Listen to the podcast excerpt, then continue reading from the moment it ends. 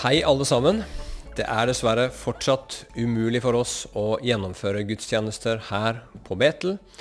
Og etter alt å dømme så kommer dette til å vare ennå en stund framover. Vi vet ikke helt. Vi kommer tilbake med mer informasjon om det til uka. Men denne søndagen i hvert fall så eh, blir det kun en tale her på YouTube til oppbyggelse for de av dere som går her på Betel, og for alle andre som eh, hadde lyst til å få med seg dagens budskap. I dag så hadde jeg tenkt jeg skulle prate litt om noe som er ganske aktuelt, nemlig konspirasjonsteorier og evangeliet. Som dere vet, så lever vi i dag i en stor internasjonal krise pga. koronaviruset. Vi merker det mindre i vårt land enn andre steder av verden, men vi merker det på kroppen. Og når sånne kriser oppstår, så gjør disse krisene forskjellige ting med oss. Og en ting som er ganske vanlig, er at i kriser så begynner konspirasjonsteorier å florere. Hva i all verden er en konspirasjonsteori? Jo, en konspirasjonsteori er en tro på at det fins. Ofte så er dette i forbindelse med store og skjellsettende hendelser. At det fins en eller annen ondsinnet maktelite som arbeider i det skjulte for å manipulere og kontrollere menneskeheten. Og Sånne konspirasjonsteorier de oppstår gjerne når vi mennesker blir sinte på verden, når vi er frustrerte, når vi kjenner oss maktesløse og desillusjonerte. Eh, sånne konspirasjonsteorier har jo selvsagt veldig lite hold i virkeligheten, eh, men jeg skal si mer om det senere. Men hva i all verden har dette med konspirasjonsteorier med oss kristne å gjøre? Vel, for det første så er jo ikke vi kristne heller immune mot sånne teorier som det, og vi kan bli villeda av dem. For det andre så har vi, og kanskje spesielt vi kristne karismatikere, en tendens til å utvikle våre egne konspirasjonsteorier. Og ofte så har de da bakgrunn i endetiden og Johannes' åpenbaring så er det også sånn at det er en spesiell utfordring for oss kristne. Fordi vi er jo så vant til å tro på ting som verden rundt oss finner, finner ufornuftig, latterlig og kanskje til og med skadelig noen ganger. Og Da er det veldig viktig at vi kristne er nøye på å skille mellom ting som vi har god grunn til å tro på, f.eks. at det fins en Gud. Det fins enormt gode argumenter som underbygger det troen på at Jesus sto opp fra de døde. Det også har vi gode historiske beviser for. Eh, troen på Bibelens troverdighet osv. Alt det der har vi gode grunner å gi for at vi tror på. Og det må vi skille mellom, eh, og, og ikke sammenblande med konspirasjonsteorier som bygger på veldig tynne bevis, som er spekulative, og som det egentlig er umulig å motbevise. Som vi også skal se på etterpå. Og eh, konspirasjonsteorier er et problem fordi de skaper mye unødvendig frykt, mye usikkerhet. De skaper også helt unødvendig, men ofte overoppheta konflikter mennesker imellom. Og verst av alt, de leder fokuset vårt bort fra Jesus og fra evangeliet, hvor vi kristne skal ha blikket vårt festa. Og jeg tenkte, siden det er flere sånne konspirasjonsteorier som florerer akkurat nå, spesielt rundt eh, covid-19, vaksiner og dyrets merke og sånn, så tenker jeg at det kan være nyttig å se dem i lys av Bibelen og de gode nyhetene som vi tror på. Så derfor skal vi si litt i dag om konspirasjonsteorier. Og så har jeg lyst til å snakke litt til slutt om konspirasjonen, som gjør slutt på alle konspirasjonsteorier. Og Jeg skal straks be, men la meg bare åpne med et par bibelord som hjelper oss å se at dette med forskjellige sånne ideer og tanker og forvirring og, og, og, og sånt ikke er så uvanlig i kristen sammenheng. 2. Tessalonikerbrev, f.eks., kapittel 2, vers 1-3, så skriver Paulus til menigheten der når det gjelder vår Herre Jesu Kristi gjenkomst, søsken, og vår samling med ham, ber vi dere om ikke så raskt å bli drevet fra vettet eller bli oppskaket, verken ved noen ånd eller ved noe ord eller ved brev, som om det kom fra oss, som om Kristi dag allerede var kommet. La ingen forføre dere på noen måte, Så i, i, i Tessalonika så var det forvirring, fordi at noen påstod at Jesus allerede hadde kommet tilbake. Det var en slags sånn konspirasjonsteori, for alle visste ikke om det. Det var noe skjult som hadde skjedd. Og så sier Paulus at de ikke så raskt skal bli drevet fra vettet og oppskaket. I 1. Timoteus 1, kapittel 3 og 4, så skriver Paulus til Timoteus som jeg ba deg om da jeg dro inn i Makedonia, bli i Efesos, så du kan pålegge noen at de ikke skal undervise i en annen lære, eller vie sin oppmerksomhet til eventyr, eller myter kan det også oversettes, oversettes og endeløse slektstavler, som fører til stridigheter i stedet for den oppbyggelse som er fra Gud, den som er i troen. Her hadde noen kommet på feil kurs, og de ble opptatt av det som Paulus kaller her for eventyr, istedenfor å være opptatt av det som bygger opp. Så dette her har skjedd før. Det skjer, og det kommer til å skje. Men i dag skal vi forsøke å forstå dette her fra et bibelsk perspektiv. La oss be først. Kjære himmelske Far, vi bare ber om at du må tale igjen dette budskapet her. Det er et litt uvanlig budskap. Det er noe som kanskje kan eh, provosere litt, Gud. Men jeg ber om at du må bare hjelpe oss Herre, til å få blikket vårt festa på deg, Jesus, og se hva som er viktig, hva det er verdt å vie sin oppmerksomhet til, og hva det er verdt å kjempe for i denne verden. Hellige Ånd, bare velsign og hjelp hver eneste lytter til dette budskapet nå i Jesu navn. Amen. Ok, La oss fortsette med å snakke litt til om konspirasjonsteorier. Jeg sa at konspirasjonsteorier det er at man ofte da i forbindelse med store hendelser, skjellsettende hendelser, utvikler en tro på at det finnes en eller annen ondsinnet maktelite, noen onde krefter, som står bak og arbeider i det skjulte for å manipulere og kontrollere hele menneskeheten. Og Det fins mange og det finnes kjente konspirasjonsteorier. Noen er mer uskyldige, som f.eks. troen på at jorda er flat. Det fins det noen som mener, og de mener at verdens myndigheter og, og, og, og alle disse romfartsorganisasjonene osv. har komplettert sammen for å holde denne sannheten om at jorda er flat, skjult for mannen i gata.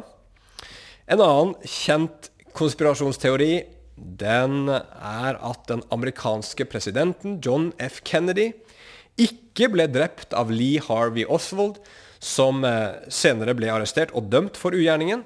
Egentlig tror man at det var mektige krefter i det amerikanske maktapparatet som sto bak. Og så fikk de Lee Harvey Oswald uskyldig dømt for å skjule sporene sine. På samme måte så er det de også som tenker at amerikanske myndigheter sto bak angrepet på World Trade Center i 2001. Eh, og, og, og, det finnes mange andre. Du vet, Noen tror ikke at Elvis er død, og noen tror ikke at Hitler er død. og Det finnes mange typer sånne litt mer, kan man kanskje si, uskyldige konspirasjonsteorier. Men noen konspirasjonsteorier er av en mye mer alvorlig karakter. Opp gjennom historien har spesielt jødene vært offer for all slags mulige konspirasjonsteorier og har blitt forfulgt pga. det. I Hitlers eh, bok 'Mein Kampf' så går han god for eh, den konspirasjonsteorien som bl.a. finnes i en annen bok som heter 'Sions vises protokoller', hvor det da påstås at jødene egentlig kontrollerer verden. Og For Hitler så var det noe av bakgrunnen for hans jødehat, og som jo da, vi vet, endte i grusomhetene i de nazistiske dødsleirene. Så konspirasjonsteorier har konsekvenser. Men den store utfordringen med konspirasjonsteorier det er at de er så utrolig vanskelige å tilbakevise. En som heter Joven Byford, han er en psykolog som har jobba en del med nettopp dette temaet. Han sier konspirasjonsteorier er per definisjon ugjendrivelige. Mangel på bevis for en konspirasjon eller et positivt bevis mot dens eksistens blir tatt av troende som et bevis på listigheten til de som står bak handlingen, og deres evne til å lure publikum. Hva sier han jo? Han sier at det er i praksis umulig å motbevise en konspirasjonsteori. Fordi at hvis du kommer med beviser mot den, så vil de som tror på konspirasjonsteorien, si ja, disse bevisene er jo fabrikkert av makteliten. De som kontrollerer verden og informasjonsflyten nettopp for å skjule sin egen eksistens. Og Hvis du derimot skulle si ja, det fins jo ingen beviser for at denne konspirasjonsteorien er sann, så sier de jo at ja, men det fins ingen beviser nettopp fordi denne makteliten er så dyktige og er i stand til å skjule sporene sine på en fullkommen måte. Så det betyr at det ikke fins noe du kan si som kan overbevise en som tror på en konspirasjonsteori, at han tar feil. Nå er det jo forskjellige typer troende på konspirasjonsteorier. Noen er jo ekstremt overbeviste. De er det vanskelig å, å, å, å, overtale til å tro noe annet. Men så er det klart det fins eh, mennesker som, som, har litt mer eller mindre tro på disse teoriene. Da. Men at det er så vanskelig å motbevise en, en, en sånn konspirasjonsteori, det, det illustreres veldig godt eh, gjennom en morsom vits. Den går som følger en konspirasjonsteoretiker kommer til himmelen og får møte Gud, og så får han stille ett spørsmål. Og denne konspirasjonsteoretikeren spør selvsagt Gud hvem var det egentlig som drepte John F. Kennedy? Og Så svarer Gud det var Lee Harvey Oswald.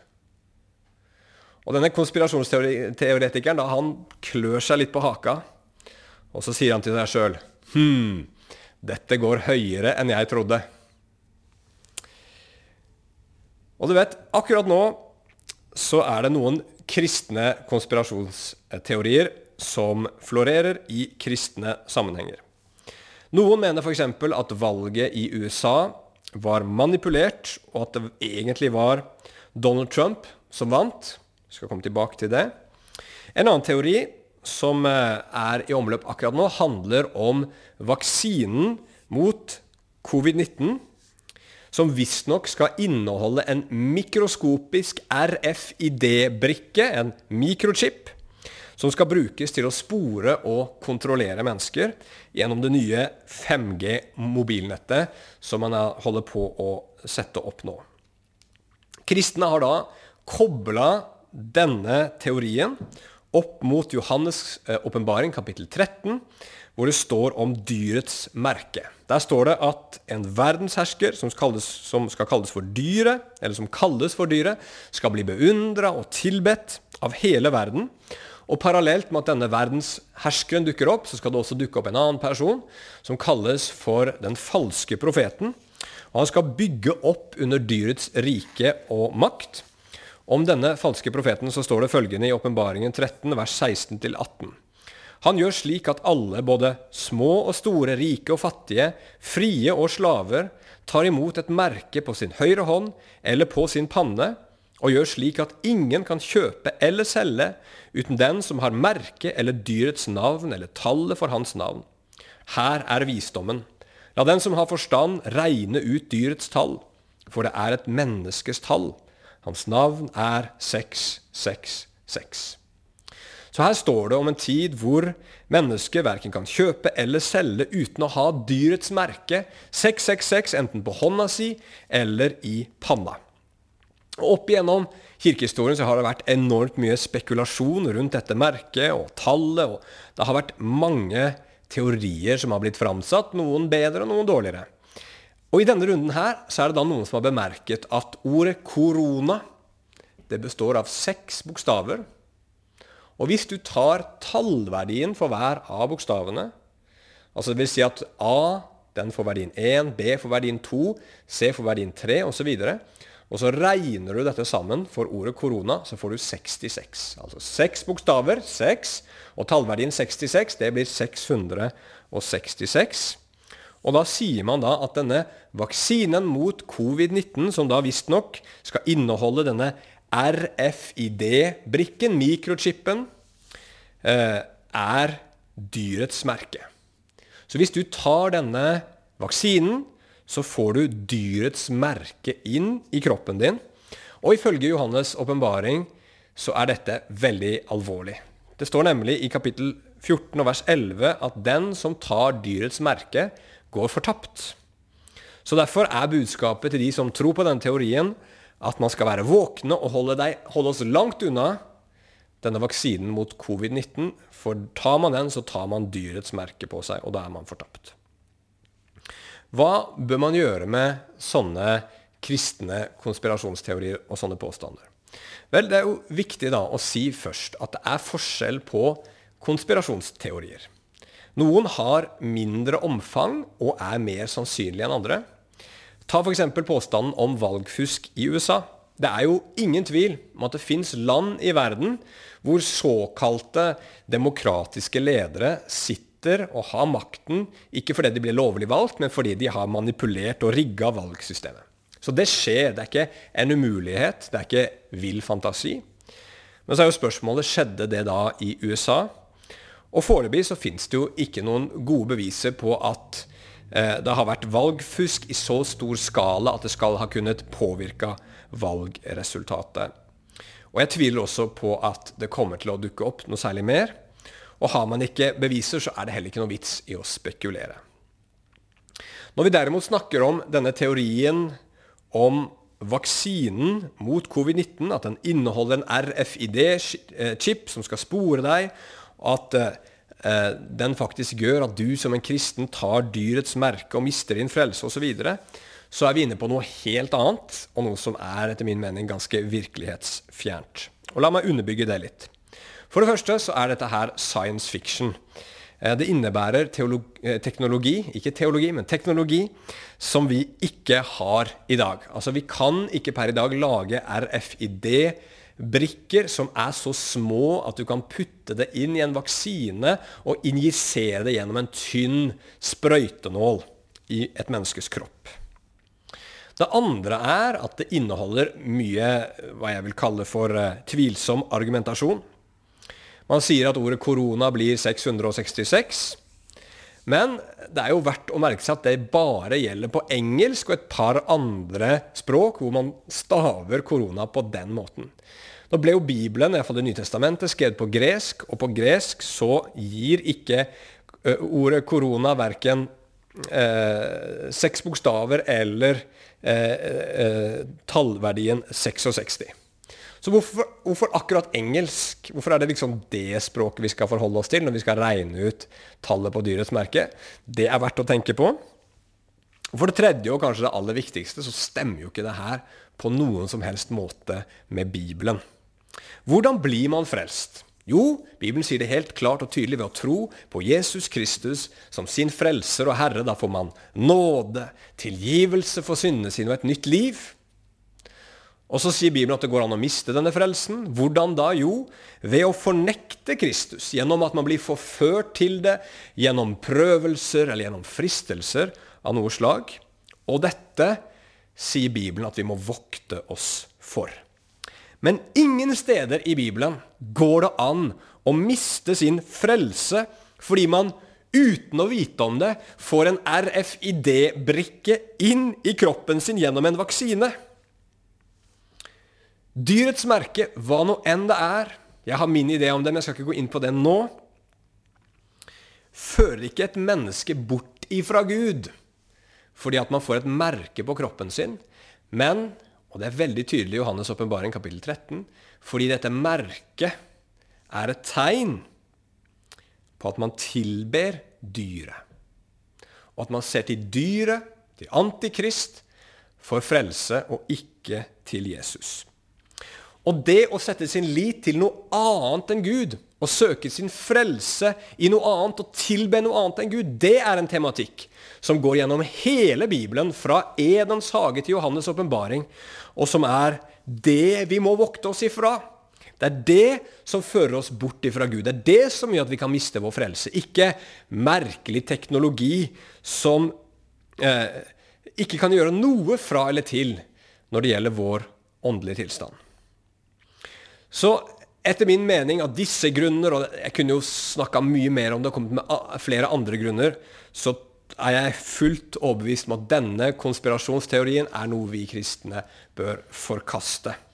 Det er verken bibelsk eller sannsynlig. Nå er ikke dette den første konspirasjonsteorien på noen som helst måte som verserer i kristen sammenheng. Og det kommer ikke til å bli den siste. Så derfor har jeg lyst til å avslutte her med å gi deg en vaksine mot alle konspirasjonsteorier.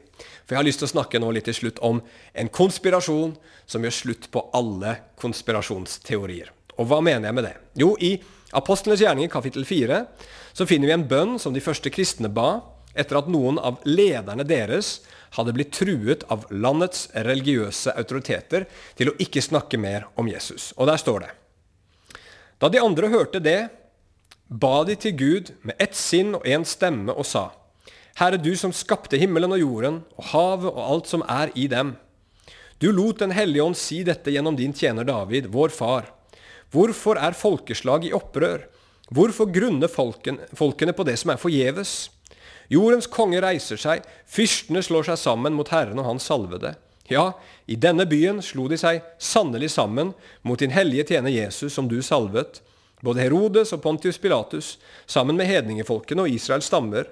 Alle har de gjort det som du ved din hånd og din vilje hadde bestemt skulle skje. Dette var Apostlenes gjerninger 4.24-28. Denne teksten her i den velrenommerte engelske oversettelsen NIV, New International Version, så står det i vers 27 ikke at de slo seg sammen mot din hellige tjener Jesus, men conspired, står det. Eller konspirerte på norsk. Da Jesus ble korsfesta, så foregikk det en konspirasjon Jødene ville kvitte seg med Jesus, og for romerne så var han også en potensiell trussel. Så derfor så slo de seg sammen, fikk han korsfesta og drept uskyldig. Og i denne bønnen som vi nettopp da leste, så siterer disse første kristne Salme 2.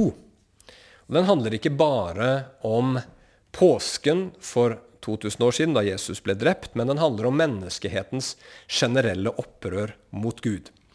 Vi slår oss sammen mot Gud fordi han er en plagsom virkelighet for oss.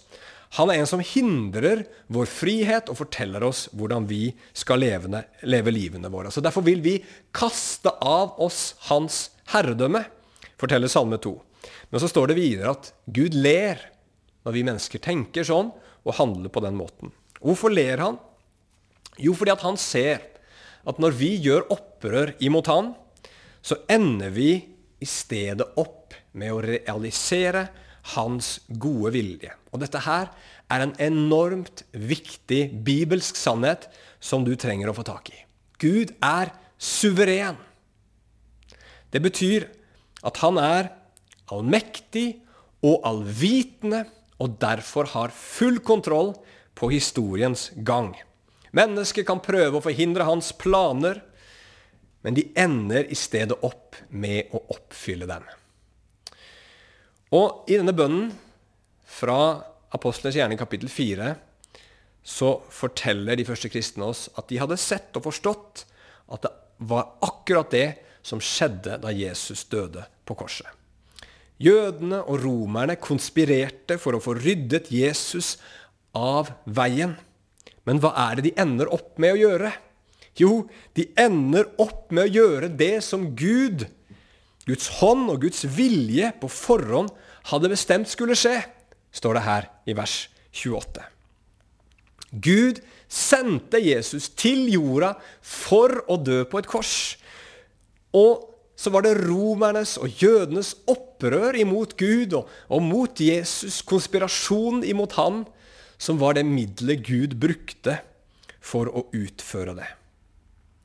Gud oppfylte sin plan om å frelse verden gjennom vårt opprør imot ham. Bare tenk på det. Hva betyr det? Forstår du hva det betyr for konspirasjonsteorier? Det betyr at om alle mennesker i verden skulle slå seg sammen og konspirert imot deg personlig hvis de skulle legge en plan for å ødelegge og manipulere og kontrollere ditt liv, så kunne de allikevel ikke gjort noe annet enn det Gud ville tillatt dem å gjøre. Ja, mer enn det. Gjennom sine frie valg så vil disse menneskene til og med ende opp med å realisere Guds planer og Guds hensikter. Så hvis det skulle være sant at det finnes en ond, mørk maktelite bak alt som skjer i verden, som Illuminati f.eks., som det var populært å tro på for noen år tilbake, så vet Gud om det. Og han kommer til å bruke det til sine gode hensikter. Om det viser, viser seg at det var eh, Donald Trump som skulle blitt president, og Joe Biden han ble president på et falskt grunnlag, hva så? Kan det hindre Gud i å oppfylle sine planer? Selvsagt ikke. Og når det en dag kommer en antikrist på banen og skal forføre hele verden, tror du han får mulighet til å gjøre mer enn det Gud tillater han å gjøre? Nei, og det er faktisk veldig klart i Johannes' åpenbaring kapittel 13. Der står det hele tiden om dette dyret at det ble gitt ham. Det ble gitt ham makt i en viss tidsperiode. Det ble gitt ham makt over en viss gruppe mennesker. Det er Gud som tillater han å gjøre det han gjør. Derfor er det sånn at konspirasjon imot Gud ikke er mulig. Det er umulig å konspirere mot en allvitende og allmektig Gud. For han vet om alt sammen. Han vet om alle planer mennesker legger. Og så bruker han de planene i sine gode hensikter. Så hvis du tror på det, så er ikke konspirasjonsteorier lenger så veldig interessante. For Gud har kontroll uansett. Og jeg tenker at det også er utrolig gode nyheter for deg som enkeltperson. Mennesker kan og kommer til å gjøre onde ting imot deg, men Gud han vil la det virke til det gode. Livet kan bringe med seg ulykker og katastrofer, men Gud vil virke gjennom det for å fullføre sin gode hensikt. Ja, du kommer til og med til å gjøre feil og synder underveis, men selv det kommer Gud til å bruke i sine planer. Det betyr og det vil jeg understreke, på ingen måte noen frihet til å synde eller gjøre opprør mot Gud. Men det er en enorm trøst når du først har falt, å vite at hos Gud fins det ikke bare tilgivelse, selv om det alltid gjør det. Det er også sånn at Gud bruker våre feil, og bruker våre fall. Er det ikke utrolig godt å vite at Gud på forhånd visste om dine feil og dine synder og dine fall? Og så fletta han det inn i sin gode plan for ditt liv og for hele verdens framtid. Konspirasjonsteorier de kan være spennende og de kan være forlokkende, men som kristne så har vi noe mye bedre å vie vår tid og vår tanke til. Du og jeg, vi er kalt til å kjenne Gud, og vi er kalt til å gjøre Gud kjent. Så la oss heller bruke livene våre på det, i stedet for å spre tvilsomme teorier som leder mennesker på avveier. Skal vi be en bønn sammen til slutt? Kjære himmelske Far, jeg bare takker deg fordi at eh, du har gitt oss sannheten, og at sannheten setter fri. Og jeg ber om at mennesker i vår tid skal oppdage den sannheten. Ikke bli offer for løgner av forskjellige slag og konspirasjonsteorier av forskjellige slag. Og så ber vi at du skal hjelpe oss kristne til å ha den roen og freden som følger med det, og vite at vår Gud er suveren. Han er allmektig, han er, han er allvitende, og han har full kontroll. Og når jeg stoler på han, så trenger jeg ikke å frykte verken for det ene eller for det andre, for rykter og, og, og, og ideer som, som, som går i samfunnet. Men jeg kan stole på at i mitt liv så har Gud kontroll. Og så er jeg helt trygg så lenge jeg stoler på Han. Jeg ber om det i Jesu navn. Amen.